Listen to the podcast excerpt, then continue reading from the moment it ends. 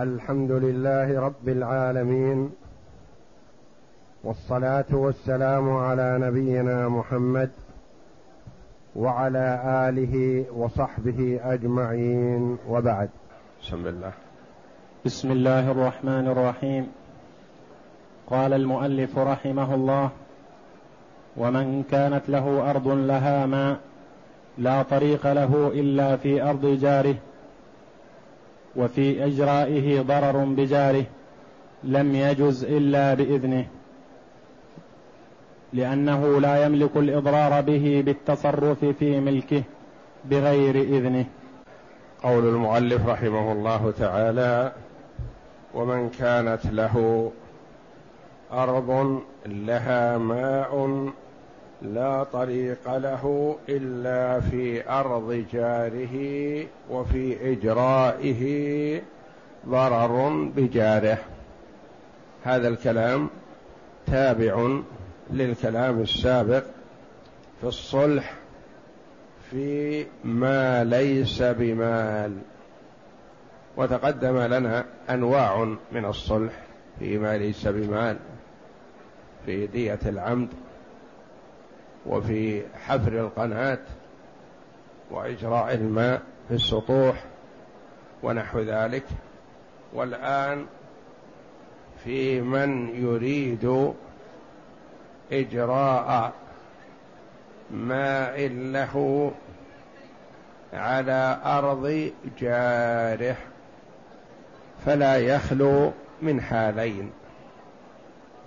إن كان على الجار مالك الأرض ضرر فلا يجرى الماء إلا بإذنه. ولا يجبر على هذا لوجود الضرر عليه. ولا يزال الضرر عن صاحب الماء بالإضرار بصاحب الأرض. والنبي صلى الله عليه وسلم يقول لا ضرر ولا ضرار. ما يجوز للإنسان أن ينتفع بشيء على غيره ضرر منه إلا برضاه. فإذا كان على صاحب الأرض ضرر فلا يجرى الماء على أرضه إلا بموافقته. فإن وافق وتحمل الضرر من أجل الإحسان إلى أخيه المسلم من أجل الإحسان على جاره والنبي صلى الله عليه وسلم يقول ما زال جبريل يوصيني بالجار حتى ظننت أنه سيورثه. والله جل وعلا يقول والجار ذي القربى والجار الجنب وصى به تعالى. فإذا قال المرء أنا أتحمل الضرر من أجل نفع جاري فذلك خير وحسن. وأما إذا قال لا أتحمل الضرر من أجل الإحسان إلى جاري لو لم يكن علي ضرر ما امتنعت لكن يكون علي ضرر وينتفع هو بذلك لا. أنا لا أقبل الضرر على نفسي فلا يجبر لم يجز إلا بإذنه. لا يجبر على هذا بخلاف الحالة الثانية التي ستأتينا إن شاء الله. إذا لم يكن على الجار ضرر والآخر مضطر فإن الماء يجرى مع أرض الجار. نعم. وإن لم يكن فيه ضرر ففيه روايتان. إحداهما لا يجوز لما تقدم والثانية يجوز لما روي أن الضحاك بن خليفة ساق خليجا من العريض فأراد أن يمر به على محمد بن مسلمة فمنعه فقال له عمر لم تمنع جارك مما ينفعه ولا يضرك تشربه اولا واخرا. فقال له محمد لا والله. فقال عمر والله ليمرن به ولو على بطنك. فأمره عمر رضي الله عنه أن يمر, أن يمر به ففعل. رواه سعيد بن منصور. ولأنه نفع لا ضرر فيه فأشبه الاستضلال, الاستضلال بحائطه. وإن لم يكن على الجار ضرر. والآخر منتفع بإجراء الماء في أرض جاره. ومضطر لهذا وصاحب الأرض لا ضرر عليه لأن الأرض واسعة. وسيكون مجرى الخليج أو الساقي أو المواصير في أرض بياض لا ضرر فيها على المالك ولا يتضرر في هذا الإجراء بشيء ففي المسألة روايتان. إحداهما تقول لا يجوز إلا بموافقته. لما؟ لأن هذا ملك الغير.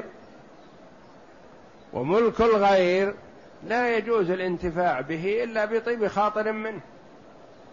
الرواية الثانية تقول ما دام أن صاحب الماء مضطر لإجراء ماءه وصاحب الأرض لا ضرر عليه. فنقول يتضرر ما يتضرر ما عليه ضرر. فيجرى حينئذ. لما؟ لأن عمر بن الخطاب رضي الله عنه أمر وألزم محمد بن مسلمة لما امتنع من مرور الماء من جاره إلى أرض الجار ألزمه وأجبره. فالضحاك ابن خليفة ساق خليجا من العريض. العريض وادي ومكان معروف في المدينة. ساقه فوصل إلى حد أرض محمد بن مسلمة. ومنها يتعدى إلى أرض الضحاك ابن خليفة صاحب الخليج. فقال محمد بن مسلمة ما يمر الخليج هذا بأرضي؟ فرجع الضحاك إلى عمر رضي الله عنه أمير المؤمنين مشتكيا فدعا عمر رضي الله عنه محمد بن مسلمة وقال لما؟ امتنعت أنت تشرب الماء داخل وخارج يعني يمر بأرضك وتستفيد منه. ممكن أن تغرس عليه. ممكن أن تستفيد. قال والله لا يمر. يقوله محمد بن مسلمة كأنه حصل بينه وبين صاحب الخليج مشاحة وظن أن المسألة فيها خيار. فقال أمير المؤمنين عمر رضي الله عنه والله ليمرن ولو على بطنك لأن أخاك مضطر. فقال سمعا وطاعة لأمير المؤمنين ما دام المسألة عزم وإجبار فما يسعه أن يمتنع عما ألزمه به عمر رضي الله عنه. وحلف في الأول بناء على أنه يملك هذا الشيء. فرأى عمر رضي الله عنه ضرورة الضحاك وعدم ضرر محمد بن مسلمة فأقسم والله ليمرن ولو على بطنك يجبرك. فقال سمعا وطاعة لأمير المؤمنين فمر. فالرواية الأولى تقول لا يمر إلا باختياره ورضاه لأنه لا يجوز للمسلم الانتفاع بمال الغير إلا بموافقته. الرواية الثانية تقول مثلا ما دام أن فيه ضرر على صاحب الماء ما يملك ولا يستطيع أن يمر به إلا مع هذا الطريق. وصاحب الأرض لا ضرر عليه لأنه لو كان عليه ضرر ما أزلنا الضرر بالضرر. ما نزيل ضرر صاحب الماء بالإضرار بصاحب الأرض. فصاحب الأرض لا ضرر عليه فيلزمه الحاكم بذلك. نعم. فصل. قال فهو فأشبه الاستظلال بحائطه. شخص يريد أن يقف تحت ظل جدار فلا يملك صاحب الدار يقول لا تقف في ظلال داري لا ظلال الدار مباح. شخص يريد أن يوقف سيارته في ظلال جدار جاره والجار ليس عليه ضرر من وقوف السيارة وإلا إذا كان عليه ضرر من وقوف السيارة فلا يلزم. وهذا محتاج إلى الوقوف في الظل فوقف فلا يمنعه صاحب الدار وصاحب الجدار من أن يوقف سيارته في ظلال جداره لأنه لا ضرر عليه وهذا في الشارع مباح لكل من أراد الانتفاع به. نعم. فصل. ولا يجوز أن يشرع إلى الطريق النافذ جناحا هو الروشن على أطراف خشب مدفونة في الحائط ولا ساباطا وهو المستولي على هواء الطريق على حائطين لأنه بناء في ملك غيره بغير إذنه فلم يجز. كالبناء في أرض الطريق. نعم. فصل. ولا يجوز أن يشرع إلى الطريق النافذ جناحا وهو الروشن. الجناح والروشن أشبه ما يكون بالبلكونة التي مثبتة بالجدار وهي طالعة خارجة في الشارع. على أطراف خشب مدفونة في الحائط ولا ساباط. الساباط هو الظل المجعول بين الجدارين فوق الشارع. على أعمدة من داره هو وعلى أعمدة بحذاء جدار جاره فيسقف الشارع.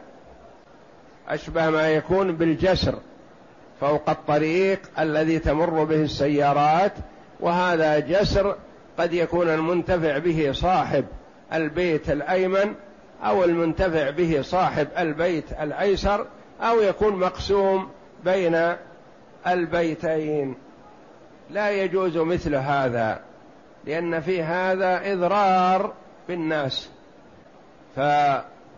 فالساباط يمنع المار مثلا الذي معه شيء مرتفع والروشن قد يعكر ويضايق في المرور قد يكون طالع على الشارع مثلا فيمر المرء بسيارته أو ببعيره أو كذا وعليه حمل واسع فيصطدم بهذه البلكونة ونحوها. وهو المستولي على هواء الطريق على حائطين يعني آخذ هواء الطريق كله. عرض الطريق لا طول الطريق عرضه. فيحجب الهوى عن عرض الطريق ويكون على عمودين على أعمدة من الجدار الأيمن وأعمدة في الجدار الأيسر ويكون بينهما. لأنه بناء في ملك الغير في ملك غيره لأنه ما يملك الإنسان أن يبني في الشارع. ولا أن يضايق الشارع لأن الشارع ملك للمارة عموما ملك لكل من ينتفع بهذا. فلا يحجر انتفاعه لشخص أو شخصين. نعم. ولا ميزابا ولا يبني. ولا ميزابا يعني لا يضع ميزاب يضايق المارة. الميزاب الذي ينزل معه ماء المطر وماء الغسيل ونحو ذلك. ما يضعه على الشارع العام فيضايق الناس لأنه قد يمر المار والميزاب يصب فيلوث المار.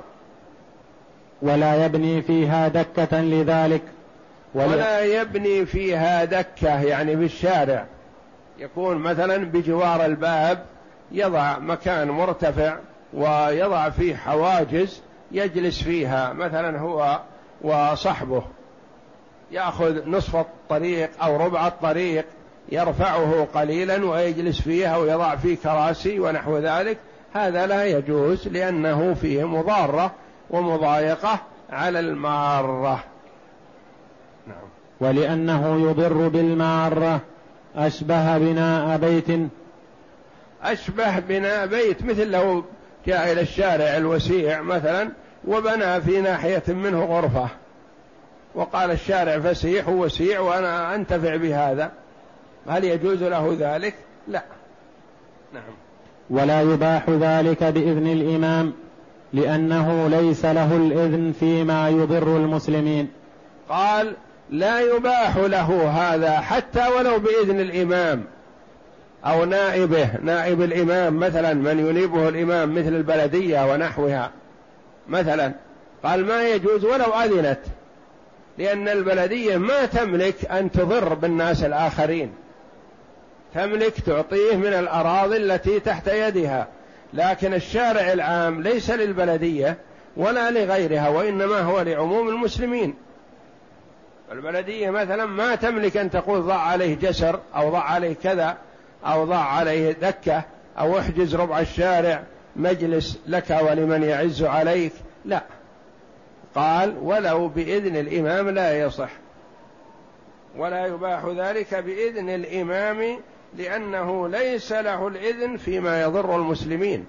الإمام يرعى مصالح المسلمين ويدافع الضرر عنهم ويكون نائبا عنهم فيما فيه خير لهم ونائبا عنهم فيما عليهم مضرة فيه فيمنع الضرر ويجلب الخير لكن ما يملك أن يعطي شخصا آخر شيئا ما يضر بالآخرين. فينفع اقواما بمضرة آخرين هذا لا يجوز وليس من رعاية المصالح لأن الإمام مهمته رعاية مصالح المسلمين. وسواء أضر في الحال أو لم يضر لأن هذا يراد للدوام. حتى وإن لم يضر هذا الذي يضع الساباط أو الدكة أو الروشن ما يضر بالآخرين الآن. يقول ما في ضرر لكن ما يدرى ماذا يكون في المستقبل. وهذا الشيء يوضع يراد به الاستمرار. فلا يملك الإمام ولا نائبه بأن يضر بالآخرين ولو على حساب المستقبل. لو لم يكن فيه ضرر بالوقت الحاضر لكن فيه ضرر في المستقبل ما يوافق على هذا. نعم. لأن هذا يراد للدوام وقد يحدث الضرر فيه.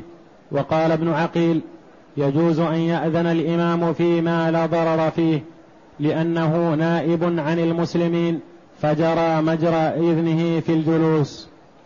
وقال ابن عقيل من أئمة الحنابلة رحمهم الله يجوز إذا كان هذا بإذن الإمام أو بإذن من فوض الإمام الأمر إليه كالبلدية مثلا أو الأمانة فيما لا ضرر فيه أما إذا كان في ضرر فلا يأذن لا الإمام ولا غيره. أما إذا كان الشيء لا ضرر فيه وفيه مصلحة لهذا قال له يقول ابن عقيل رحمه الله له أن يأذن في ذلك من أجل المصلحة لأن الإمام ينظر في الشيء الذي لا ضرر فيه وينتفع فيه الآخرون فانتفاع بعضهم حسن ما دام أنه لا ضرر وأما في حال وجود الضرر فإنه لا يملك. قال فجرى مجرى إذنه في الجلوس. الإمام يأذن في الجلوس عند الباب مثلا بحيث لا يكون فيه ضرر على الآخرين. يأذن في الجلوس للباعة يعني مثلا يأذن لهم في أن يعرضوا بضاعتهم على جنبتي الشارع مثلا يسمح لهم بهذا لأن في هذا مصلحة لهم وليس فيها ضرر على الآخرين ومن مصلحة البائع والمشتري أن تكون السلعة معروضة. فقال إن الإذن في مثل هذه الأشياء عند الحاجة إليها إذا لم يكن هناك ضرر أشبه ما تكون في الإذن بالجلوس. نعم. فصل ولا يجوز أن يفعل هذا في ملك إنسان ولا درب غيره نافذ إلا بإذن أهله لأنه حقهم فلم يجز التصرف فيه بذلك بغير إذنهم. ولا يجوز أن يفعل المرء هذا في ملك إنسان. إذا كان جداره مثلا على حد ملك الغير للغير حوش ملاصق ببيته. ما يسمح له أن يخرج برندة مثلا على ملك الغير لا يجوز إلا بإذنه. ولا درب غير نافذ. درب سكة. استخرجها المتجاورون هؤلاء من ملكهم وجعلوها مسلك لهم ينتفعون بهذه السكة.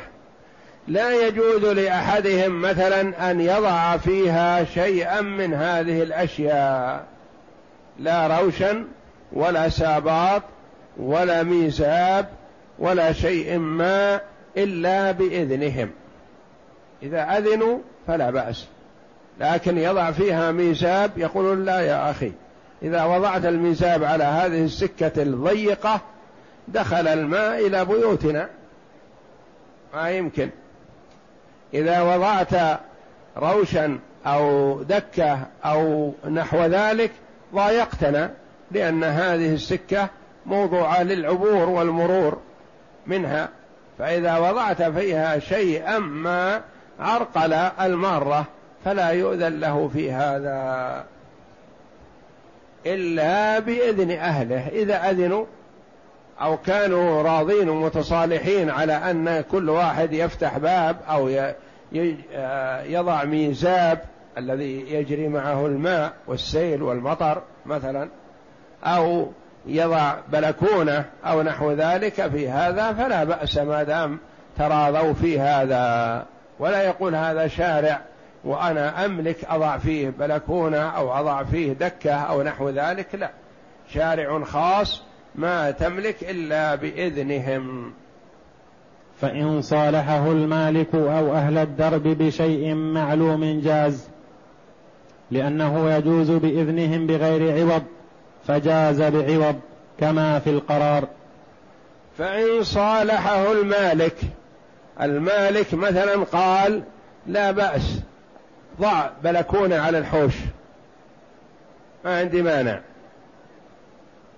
أو أهل الدرب الصغير مثلا قالوا لا بأس ضع ميزاب وضع كذا وضع كذا لكن يا أخي هذا علينا فيه ضرر لكن نتحمل الضرر إذا دفعت مبلغ. ادفع لنا خمسة آلاف ريال مثلا ونأذن لك في أن تضع دكة أو تضع ميزاب أو تضع روشا أو شيئا من هذا.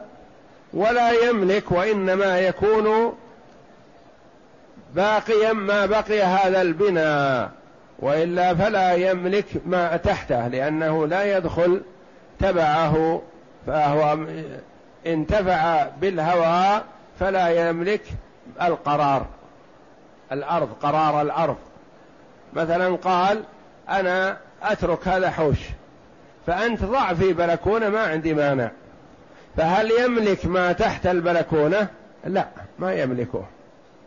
وهل يملك أن صاحب الحوش أن يصطلح معه يقول ضع بلكونة؟ لكن أعطني مقابل هذا خمسة آلاف.